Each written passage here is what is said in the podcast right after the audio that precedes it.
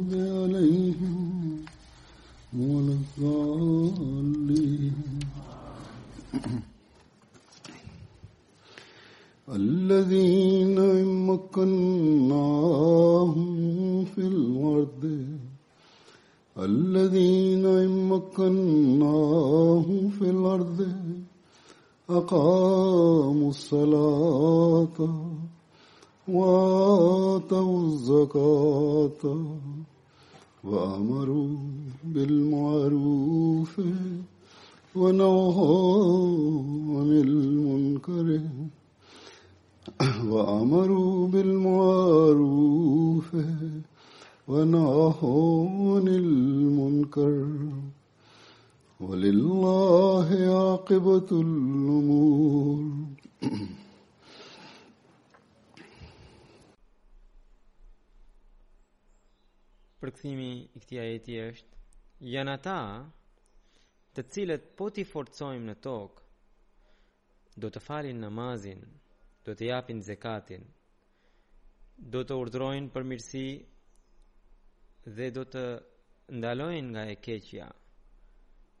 Tek Allahu është fundi i çështjeve.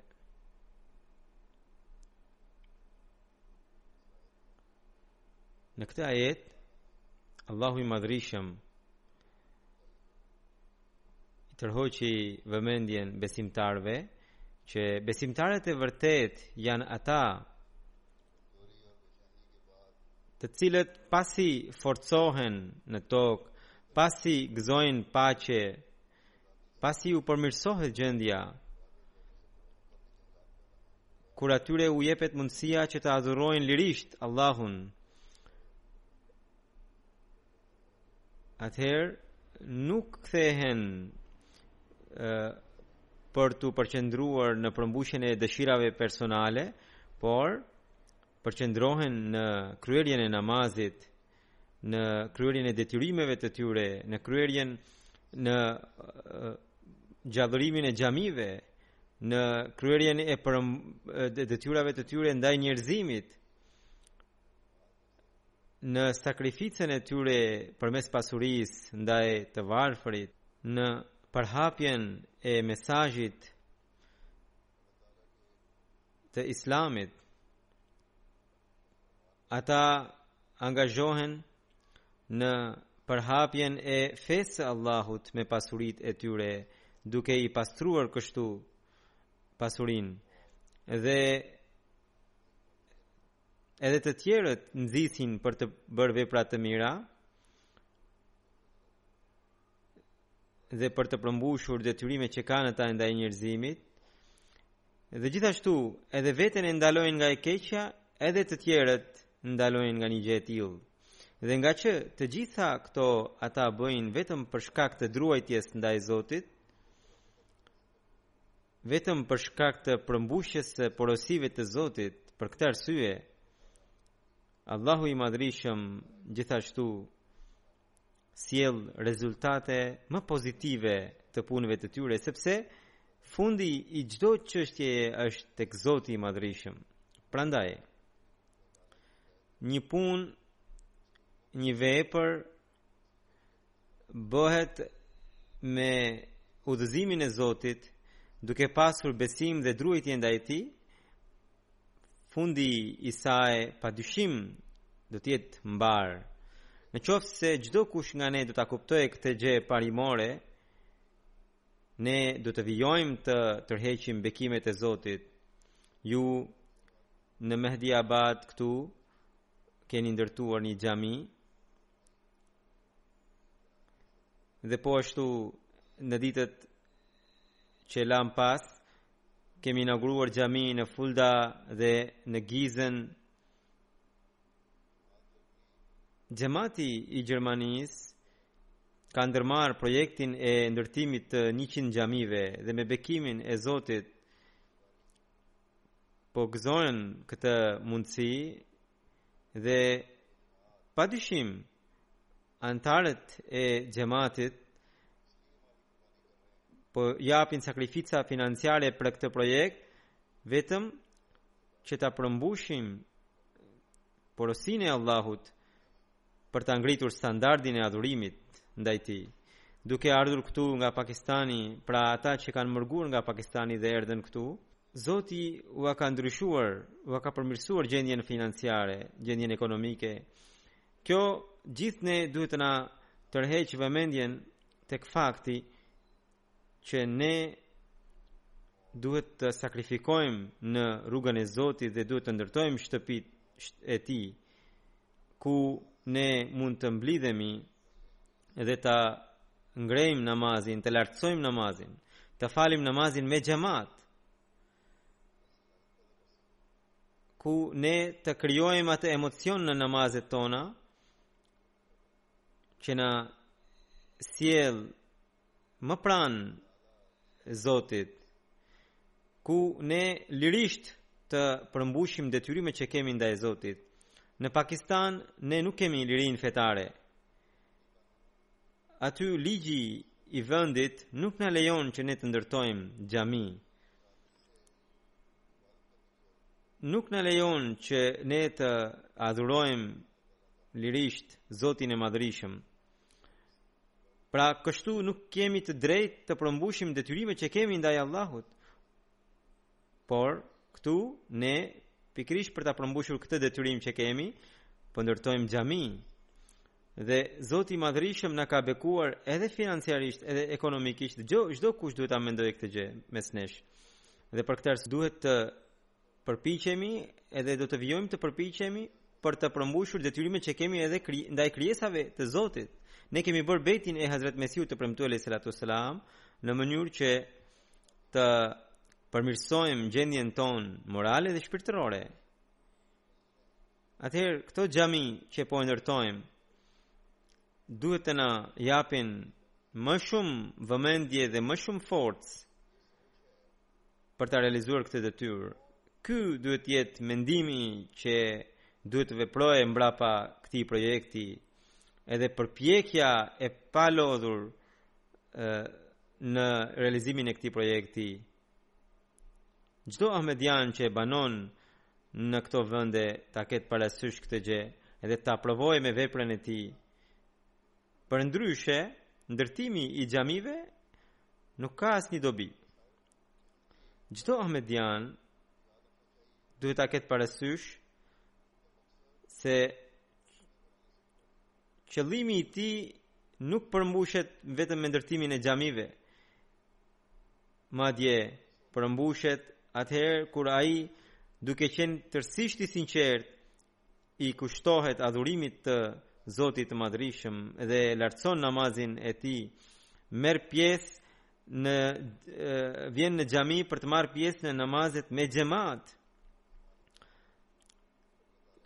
përqendrohet në namaz duke adhuruar Zotin e Madhërishëm, nëse i largohet vëmendja, menjëherë e risjell vëmendjen për t'iu përkushtuar përsëri Zotit të Madhërishëm, në qoftë se do ta kuptojmë këtë realitet se në namaz, ne kemi mundësi të bisedojmë me Zotin e Madhërishëm dhe jo thjesht të bëjmë ushtrime edhe të themi fjalë në gjuhën arabe, por duhet të diskutojmë edhe në gjuhën tonë. Ne duhet të përpiqemi të ngrejmë namaze të tilla që na mundësojnë takimin me Zotin. Hazret Mesihu i premtuar alejhi salatu selam duke përmendur atributet e besimtarit që ka takva, që ka drojë ndaj Zotit, thotë që ata falin namazin, ata e lartësojnë namazin. Pra, besimtari me të gjitha mundësitë e tij, përpiqet ta ngrejë, ta lartësojë namazin, domethënë atij herë pas here i bie namazi. Mesihu i Premtuar alejhi selam vijon besimtari që ka takva gjithmonë ka drojë ndaj Zotit edhe lartëson namazin e tij. E mban namazin e tij të gjallë. Në këtë si, punë ai has vështirësi të ndryshme që janë si për shembull mendimet që ja largojnë vëmendjen ndaj Allahut. Këto mendime personale që ja largojnë vëmendjen pikërisht këto ja rrëzojnë namazin. Dhe puna e besimtarit është që ai përsëri ta lartësojë atë, ta ngrejë atë. Në qoftë se ai ka takva në zemër, thotë Mesihu i Premtuar alejhi selam, një besimtar i vërtetë edhe në këtë dyluftim të nefsit e lar e lartëson namazin pavarësisht se i bie vazhdimisht namazi ai përsëri vazhdimisht e lartëson atë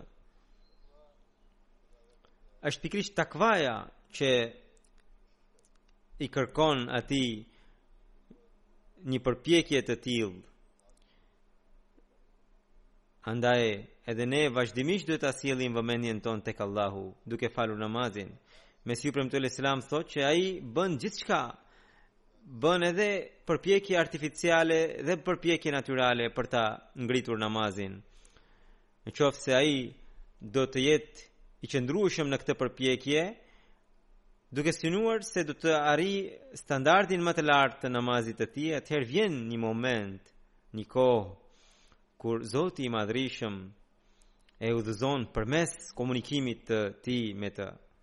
Më pas Mesihu i Premtuar alejhi selam e sqaron fjalën udhëzim, duke thënë se çfarë është udhëzimi. Thotë, ajo është një gjendje kur njeriu nuk ka nuk do ketë më nevojë të bëjë përpjekje për ta lartësuar namazin. Atij më nuk i bie namazi. Pra kjo pengesë nuk ekziston më.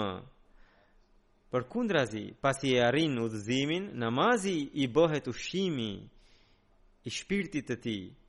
Ashtu siç besimta një njeriu njeriu nuk rron dot pa ushqim, në të njëjtën mënyrë besimtari i tillë nuk jeton dot pa e mbajtur namazin. Mesihu i Premtuar alayhis salam thotë që ashtu siç buka e, e kësaj bote e mban njeriun në këtë tokë, në të njëjtën mënyrë namazi që është ushqimi i tij shpirtëror e mban e, jetën e tij shpirtërore. Dhe më pas Mesihu i Premtuar alayhis salam thotë që besimtari i tillë që Këtë ushqim ai nuk e konsumon thjesht sa për ta mbajtur gjallë shpirtin, por edhe e shijon.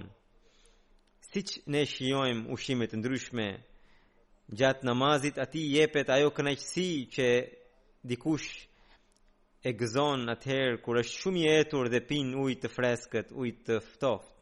Edhe për këtë arsye, edhe besimtari i tillë e plotëson namazin në atë mënyrë që ngihet tërësisht në në shpirtin e tij. Pra, një njeri që është i etur kur atij jepet ujë i ftoft, sa shumë gëzohet, sa shumë kënaqet. E njëta është gjendja e atij besimtari që e gjen udhëzimin prej Zotit dhe Fal namazin. Mesihu i Premtuar alayhis salam jep edhe një shembull tjetër duke thënë që një je, një i uritur që atij kur i jep kur i, kur, kur t'i japësh ushqim të shijshëm, sa shumë gëzohet.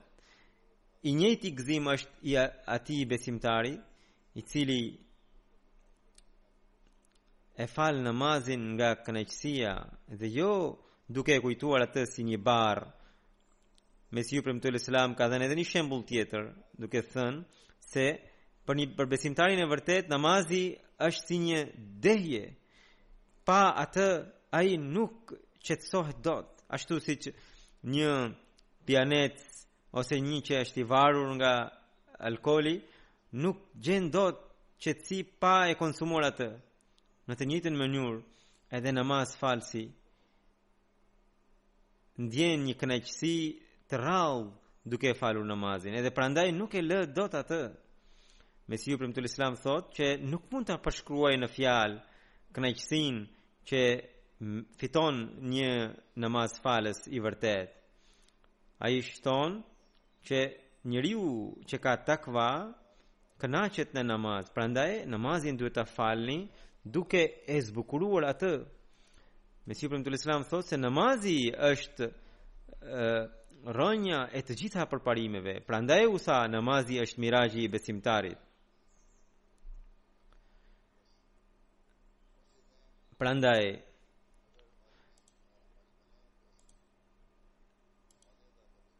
ne duhet ta ndërtojmë xhamitë tona për ta falur në një namaz të tillë. Dhe qëllimi pra i ndërtimeve të xhamive tona duhet të jetë ky, që ne të arrijm këtë miraxh tonin, sepse ky është uh, ai kriter që na çon drejt Zotit, që na mundëson komunikimin me të. Prandaj nuk duhet të mërzitemi Se si mund ta arrijmë këtë gjendje, këtë standard? Me përpjekje të vazhdueshme, Zoti patjetër ia mundëson njeriut këtë gjendje. Shumë njerëz më shkruajnë, më pyesin dhe thonë se nuk përqendrohemi dot në namaz. Cili është ilaçi? Ilaçi është pikërisht përpjekja e vazhdueshme. Hazrat Mesihu i Premtuar alayhi salatu sallam gjithashtu u pyet dikur nga dikush që Ai tha që po bëhem sikur nuk po gjej kënaqësinë në namaz, pra dikush e pyeti Mesihun e Premtuar alayhi salam, edhe po rri shumë i shqetësuar, sepse e kishte shijuar njëherë namazin edhe nuk kishte më atë. Tha, më kot më vijnë mendime të këqija, edhe pavarësisht se po i përpiqem t'i largoj, por nuk po i largoj dot. Çfarë duhet të bëj? Mesihu i Premtuar alayhi salatu sallam iu përgjigj, Edhe kjo thaështë bekim dhe mirësia e Zotit të Madhërishëm që njeriu nuk pushtohet nga mendime të tilla. Pra, atij i lindnin mendime dhe ngaqë kishte merak që duhet t'i largojë, Mesihu i Premtuar alayhi salam thotë, se edhe kjo është nga mëshira e Zotit. Pra, kur është një gjendje, kur Njeriu përpiqet së pari e ndjen se është në një situatë të dobët, edhe Mesihu i Premtuar alayhi salam thotë se edhe kjo është mirësia e Zotit. Edhe Zoti i Madhërishëm aq i mëshirshëm saqë edhe për këtë ai e shpërblen njeriun.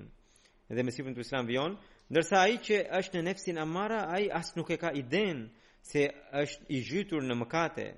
Është pikërisht nefsi levama, i cili e qorton besimtarin kur ai gabon.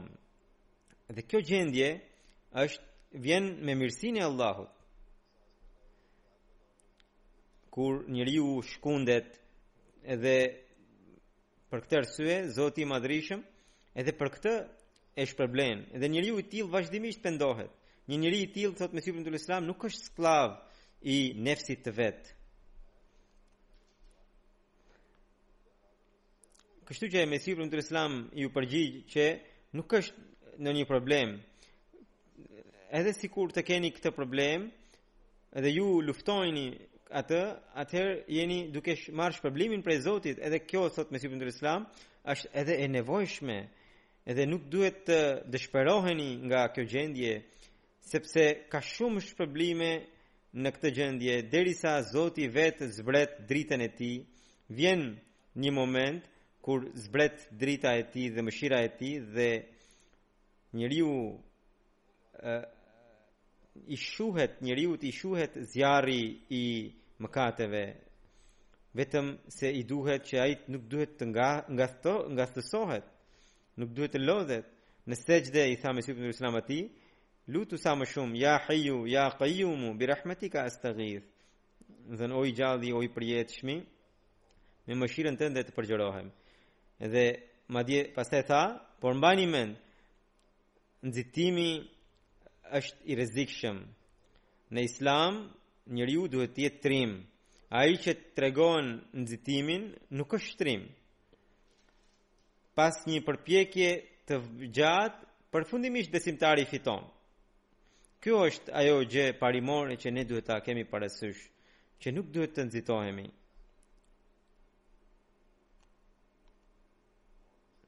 Dhe me një qëndrueshmëri duhet t'i përmbahemi Zotit të Madhrishëm, duhet të qëndrojmë të përkulur para Tij Edhe një ditë patjetër djalli do të dorëzohet edhe do ta shpallë humbjen e tij dhe do largohet. Por në qoftë se ne tregohemi të nxituar dhe heqim dorë nga namazi, në atë moment jemi në prangat e në kthetrat e shejtan, djallit. Shpesh ndodhin ngjarje gjëra të tilla, njerëz të tillë që largohen nxitimthi, hyjnë nxitimthi në besim, besim edhe largohen po ashtu. Gjithashtu duhet të kemi parasysh që ne lutjet nuk duhet t'i kemi vetëm për çështjet materiale, por lutjet duhet të jenë për të, për të pasur afrimin me Zotin, për të që të kemi pëlqimin e tij. Dhe atëherë Zoti i Madhrishëm ia plotëson edhe çështjet materiale. Prandaj, ka disa metoda për të për t'ju lutur Zotit të Madhrishëm dhe ne ato duhet t'i ndjekim. Si mundet që Zoti i Madhrishëm nga njëra anë na thotë ud'uni astajib lakum. Më thërrisni mua, unë do t'ju përgjigjem. Edhe nga ana tjetër, robi i lutet dhe ai të mos i kthejë ndonjë përgjigje dhe as të mos e dëgjojë atë. Hazret Mesihu i premtuar alejhi salatu selam duke e shpjeguar këtë temë thotë Namazi ka lutje dhe salavate por juve nuk është e ndaluar që të bëni edhe lutjet edhe në gjuhën tuaj Zoti urdhëron që namazi është ai që ka përgjërim, që ka emocion. Prandaj ju duhet ta krijoni këtë gjë në namazin tuaj. Duhet ta zbusni zemrën tuaj në mënyrë që ajo të ndiejë frikë ndaj Zotit dhe të qëndrojë përpara Zotit. Të këtillëve Zoti ua fal mëkatet. Prandaj tha innal hasanati yudhibna as-sayyiati. Që mirësitë, ja, mirësitë i largojnë të këqijat. Pra, thotë, këtu mirësitë nënkuptojnë namazi.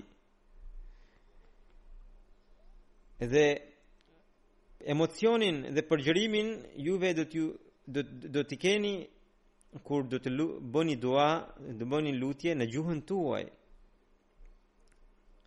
Kur do ta kuptoni se Çfarë po i luteni Zotit. Prandaj, tha Mesihu i premtuar alejhi salatu selam, lutuni në gjuhën tuaj. Më pas ai tha, ato lutje që Allahu i madhrishëm ka mësuar, edhe ato janë shumë të domozdoshme, dhe lutja më e mirë prej tyre është El Fatihaja, sepse është e përkryer.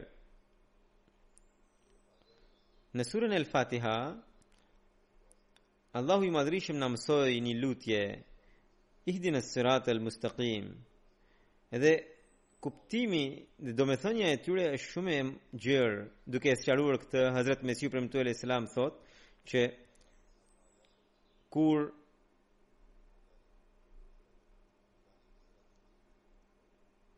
kur bujku e kupton edhe ë mëson ë, profesionin e tij siç duhet, do të thotë që ai e ka arritur sirati mustaqim në bujqësi. Pra kur ai mëson se kur duhet të spërkasë, kur duhet të krasitë dhe kur duhet të bëjë punime të tjera, Mesiu i Premtuar alejhi selam thotë që ai në profesionin e tij ka arritur sirati mustaqimin. Për në të, në të njëjtën mënyrë ju duhet të kërkoni sirati mustaqim në rrugën e Zotit. Edhe lutjuni atij, që o Zot, unë jam mëkatar, unë jam i këputur, më ndihmo sepse Mesiu i Premtuar alejhi selam thotë që të gjitha nevojat, qofshin të vogla, qofshin të mëdha, kërkojini vetëm Zotit, sepse ai jua jep. Më i miri dhe më i pastri është ai që lutet më shumë tij, atij. Edhe një lypës në qoftë se shkon edhe tek dikush që është kurnaci më i madh, edhe ai në qoftë se shikon vazhdimisht lypsin te dera, diçka ia jep. Kurse Zoti i Madhërishëm është më bujari se kushdo tjetër. Si mund ta refuzojë lutësin e vet ai? Prandaj Zoti i Madhërishëm tha, ud'uni estexhib lekum, më thërrisni mua, unë do t'ju përgjigjem. Edhe vetë namazi ndryshe është lutje. Edhe më, më pas tha, ve idha seeleke ibadi anni, fa inni qarib, uxhibu da'vete da'i, idha da'an. Kur robi im më pyet, kur robi im të pyet rreth meje, unë jam shumë afër. Unë i përgjigjem lutjes së lutësit kur ai më lutet. Hazrat Mesiu i Premtuar alejhi selam vijon. Disa njerëz dyshojnë në qenien e Zotit. Kurse Zoti i Madhërishëm thotë,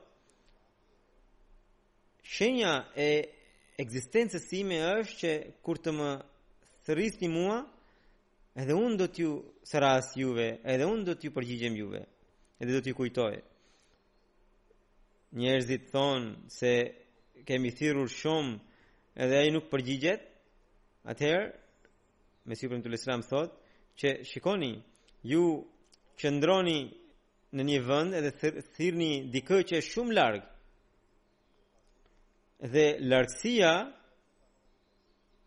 është faktori që nuk e arrini ta dëgjoni zërin ose veshët tuaja kanë problem që ju nuk e arrini ta dëgjoni kur ai ju përgjigjet nga larg ju për shkak të largësisë dhe për shkak të shurdhimit ose dobësisë së veshëve ju nuk e arrini të dëgjoni përgjigjen e tij. Prandaj, për sa kohë ekzistojnë këto dy probleme, nuk do ta dëgjoni dot përgjigjen e tij. Prandaj duhet ta largoni largësinë që keni mes jush dhe atij dhe gjithashtu duhet ta rregulloni edhe veshët tuaja. që ta dëgjoni zërin e tij. Që kur ka është krijuar toka deri më sot është dëshmuar ky fakt që Zoti i Madhërishëm ka komunikuar me robrit e tij të veçantë dhe po të mos ishte kjo nuk mund ta kishim asnjë Shenjë të ekzistencës së tij. Po të mos ishte kështu, me kalimin e kohës do të zhdukej fjala dhe kujtesa për ekzistencën e Zotit. Prandaj argumenti më i mirë për ekzistencën e Zotit është pikërisht ky dhe mjeti më i mirë është pikërisht ky që ne ta dëgjojmë zërin e tij ose ta shohim ose ta dëgjojmë zërin. Në këtë kohë Në fakt komunikimi me Zotin është i barabartë me e, të shikuarit e tij. Derisa kemi pengesa në rrugë, nuk mund ta dëgjojmë dot atë. Kur do të largohet kjo pengesë që është në mes, atëherë mund ta dëgjojmë. Prandaj duhet përpiqemi që t'i largojmë këto pengesa që kemi në mes. Edhe ky është premtimi i Zotit që ai që vjen me sinqeritet tek unë, thotë Zoti, duke kuptuar qenien time, edhe unë do t'i afrohem atij, do të shkoj tek ai. Duk, këtë e ka treguar edhe profeti Muhammed sallallahu alaihi wasallam në një hadith kutsi, se Zoti thotë që kur robi më afrohet një hap, unë do të shkoj tek ai dy hapa. Kur ai vjen duke ecur tek unë, unë do të shkoj duke vrapuar tek ai. Prandaj, në qoftë se ka dobësi, dobësia qëndron te ne, Ne kemi nevojë të shkojmë drejt Zotit.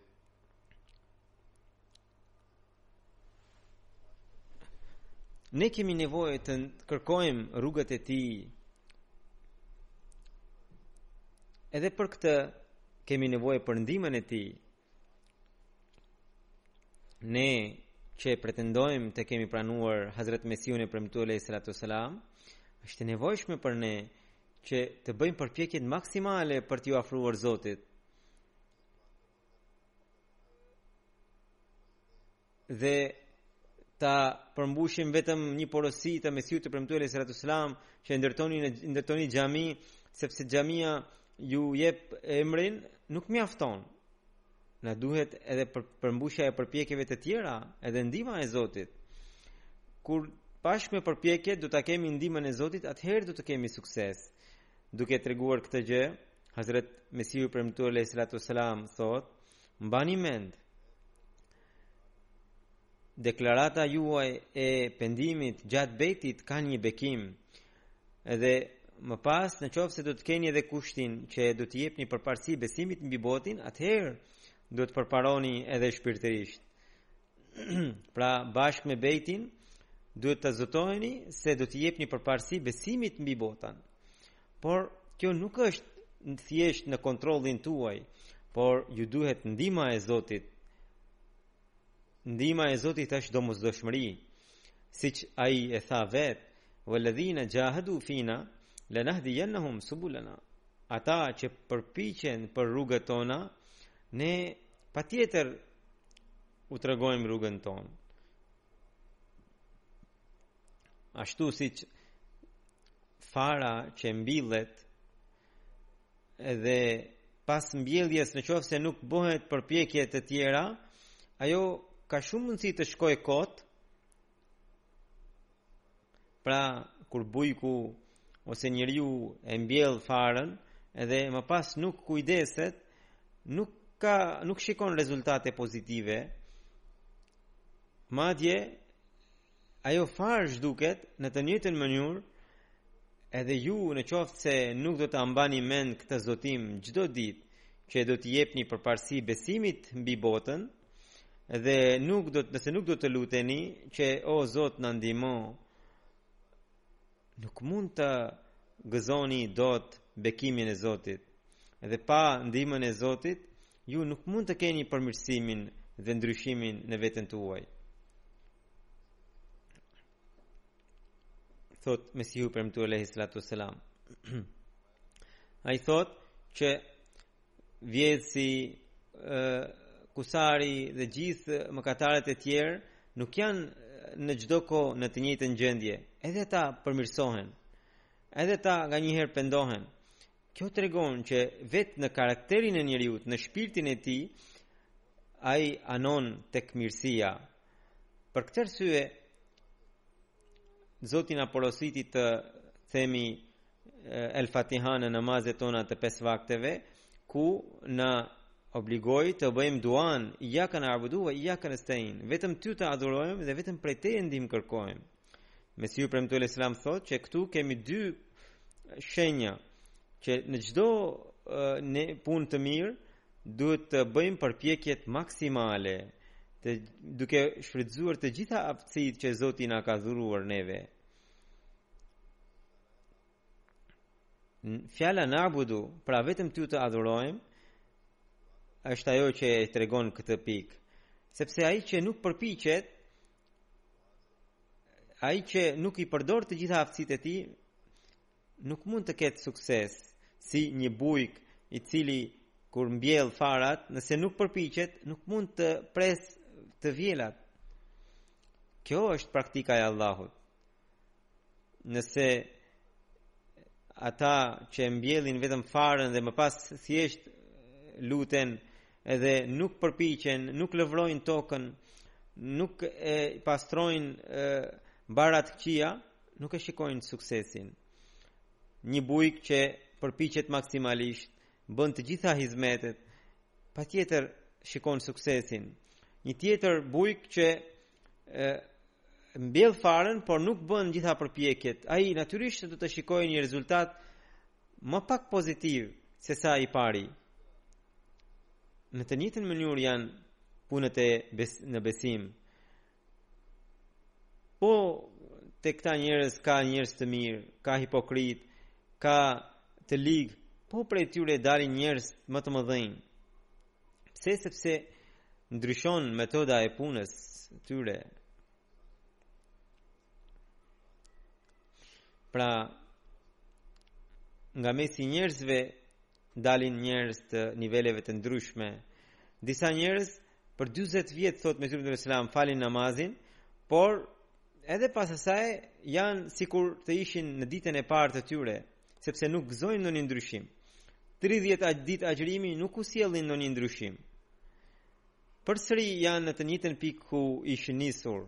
Shumë njerëz thonë se ne jemi shumë njerëz me takva dhe nuk mirëpo nuk gëzojmë ndihmën e Zotit. Falim shumë namaze, por nuk e kemi parë ndonjëherë ndihmën e Zotit.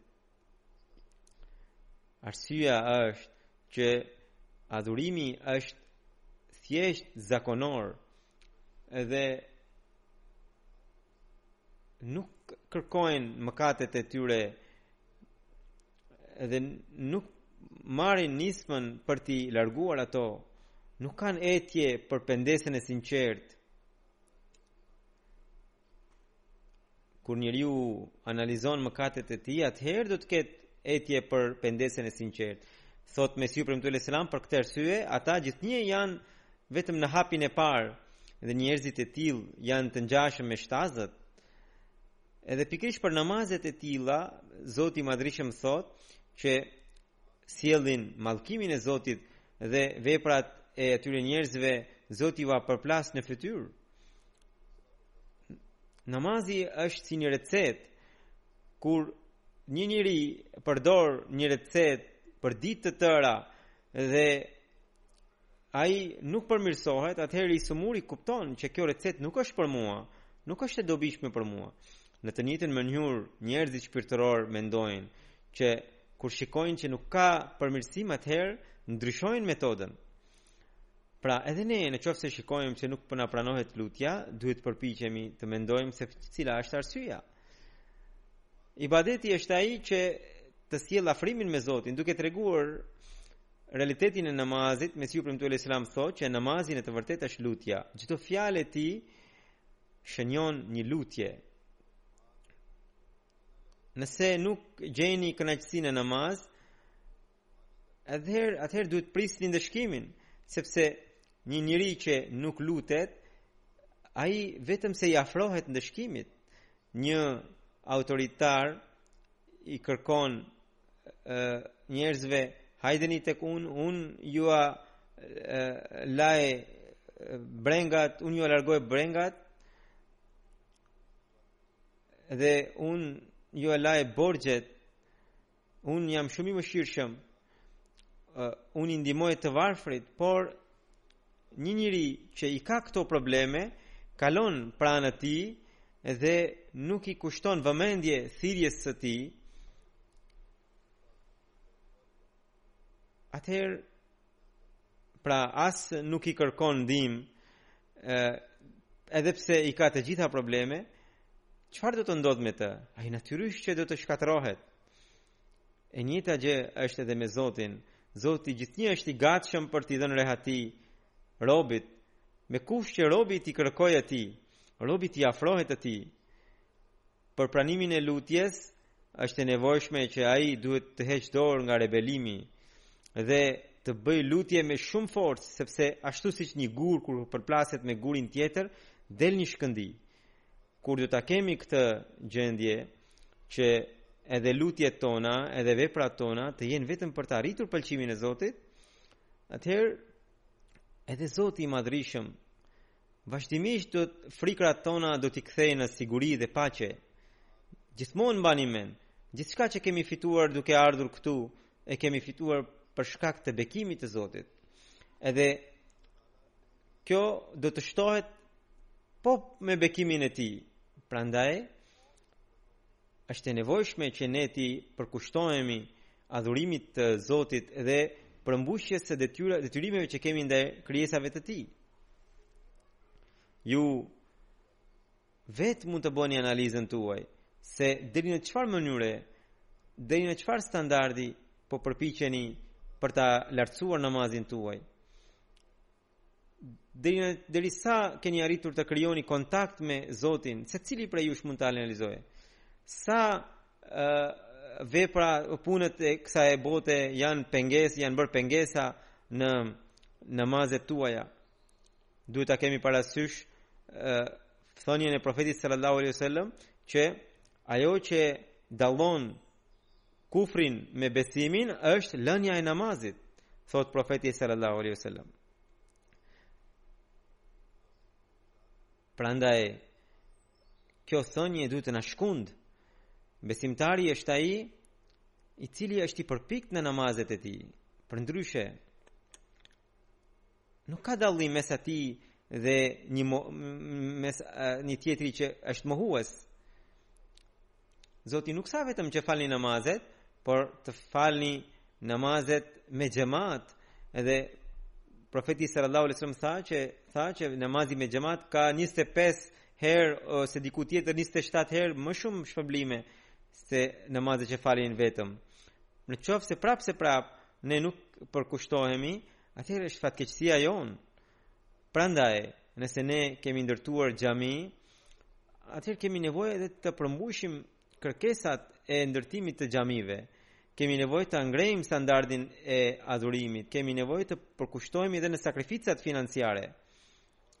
Kemi nevojë të bëjmë vetë sa më shumë vepra të mira, edhe t'i këshillojmë edhe të tjerët të bëjnë të tilla veprat.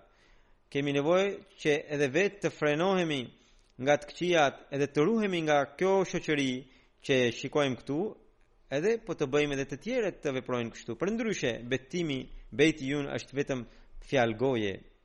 Gjithnjë duhet ta kemi parasysh thënien e Mesihut të Premtuar alejhi selam në të cilën ai thotë: "Bëhuni të tillë që synimet tuaja të jenë synimet e Zotit.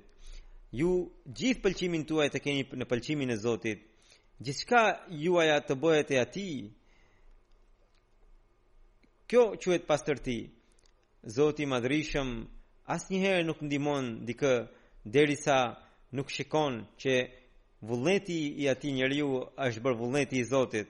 Unë asnjëherë nuk gëzohem, nuk gëzohem nga numri i madh i anëtarëve thotë Mesihu i Premtuar alejhi selam dhe në atë kohë anëtarët e xhamatit ishin rreth 400.000 ose edhe më shumë. Por Mesihu i Premtuar alejhi selam thotë që xhamati i vërtetë nuk quhet me numër që bën thjesht bejt duke dhënë dorë mbi dorë, por xhamati quhet atëherë kur edhe e zbaton realitetin edhe kuptimin e betimit, kuptimin e bejtit, kur njerëzit e atij xhemati pastrohen nga mëkatet, edhe kur dalin nga kthetrat e djallit, edhe përhumben, përqendrohen në kërkimin e Zotit dhe përmbushin detyrimet që kanë ndaj Allahut dhe ndaj krijesave të Tij. kur fitojnë një etje për të përhapur emrin e tij dhe besimin dhe fenë e tij. Edhe të tërë bëhen të Zotit. Zoti thotë, ju jeni humbës përveç atij që unë e udhëzoj.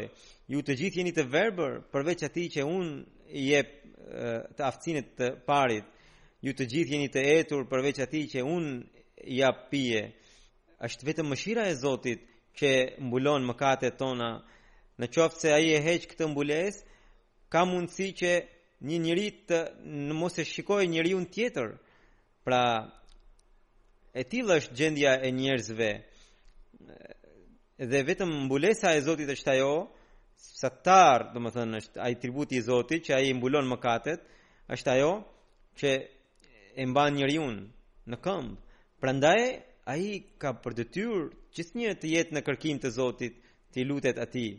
Mbajni mend, në qoftë se ka një dallim mes në qoftë se thotë, në qoftë se nuk ka ndonjë dallim mes anëtarëve të xhamatit dhe mes njerëzve të tjerë, duhet ta dini që Zoti nuk është farefis apo i afërm i ynë dhe Ai nuk do të na nderojë.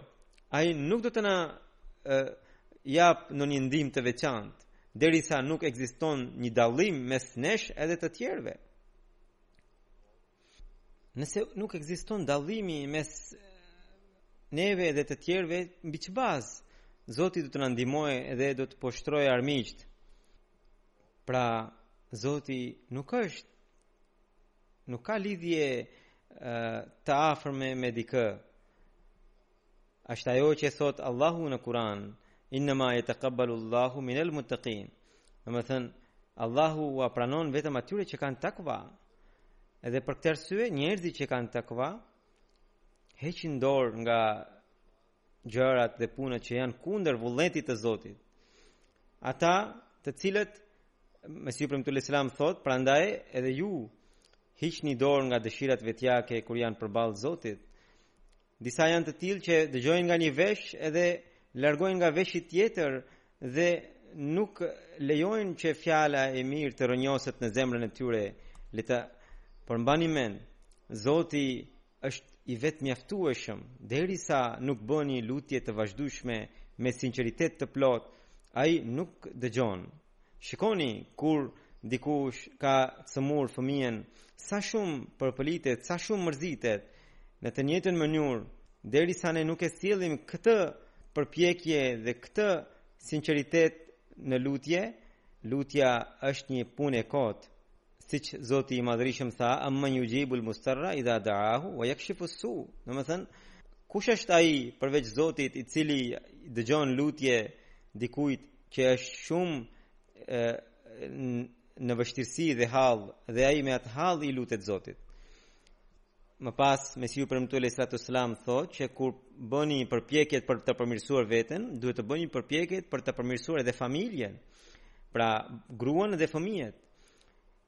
Mesiu i Premtuar alejhis selam thotë që Zoti i ndihmon ata të cilët gjithnjë e kanë hapin përpara. Edhe pikërisht të tillët kanë edhe fundin e mbarë.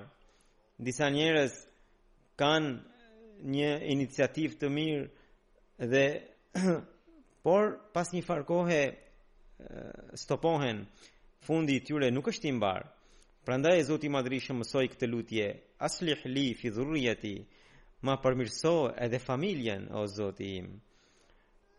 Kështu që bashkë me lutje dhe përpjekjet për pastrimin e vetes, duhet të lutemi edhe për pastrimin dhe përmirësimin e fëmijëve dhe të gruas, sepse Shumë sprova i vijnë njeriut për shkak të gruas edhe shumë të tjera i vijnë për shkak të fëmijëve. Shikoni, Hazret Ademi sprovën e parë e mori për shkak të gruas.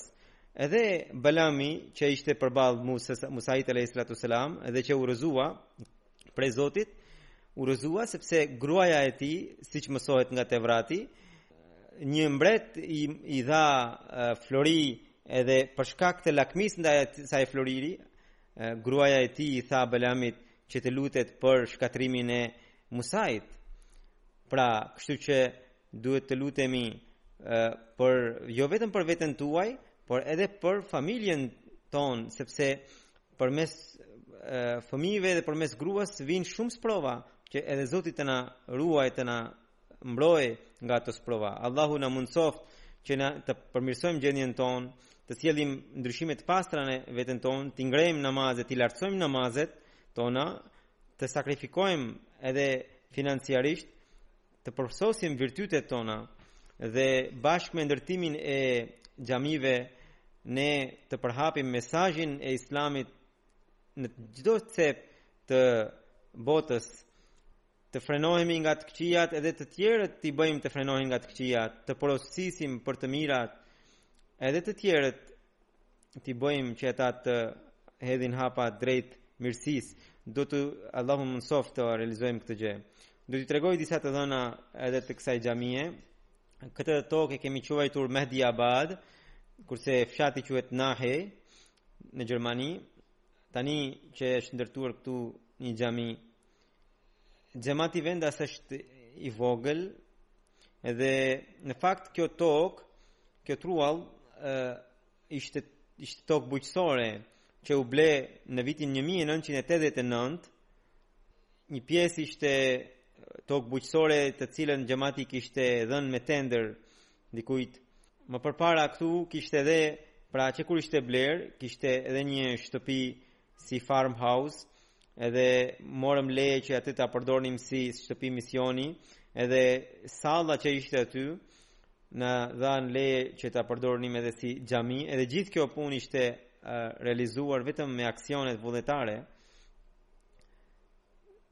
kjo ndërtesë ka dy kate edhe kishte një shtëpi për misionarin pastaj në 2010-ën bashkia ose komuna na quajti këtë tokë bujqësore si tokë të banushme. Edhe kështu kemi hartuar 12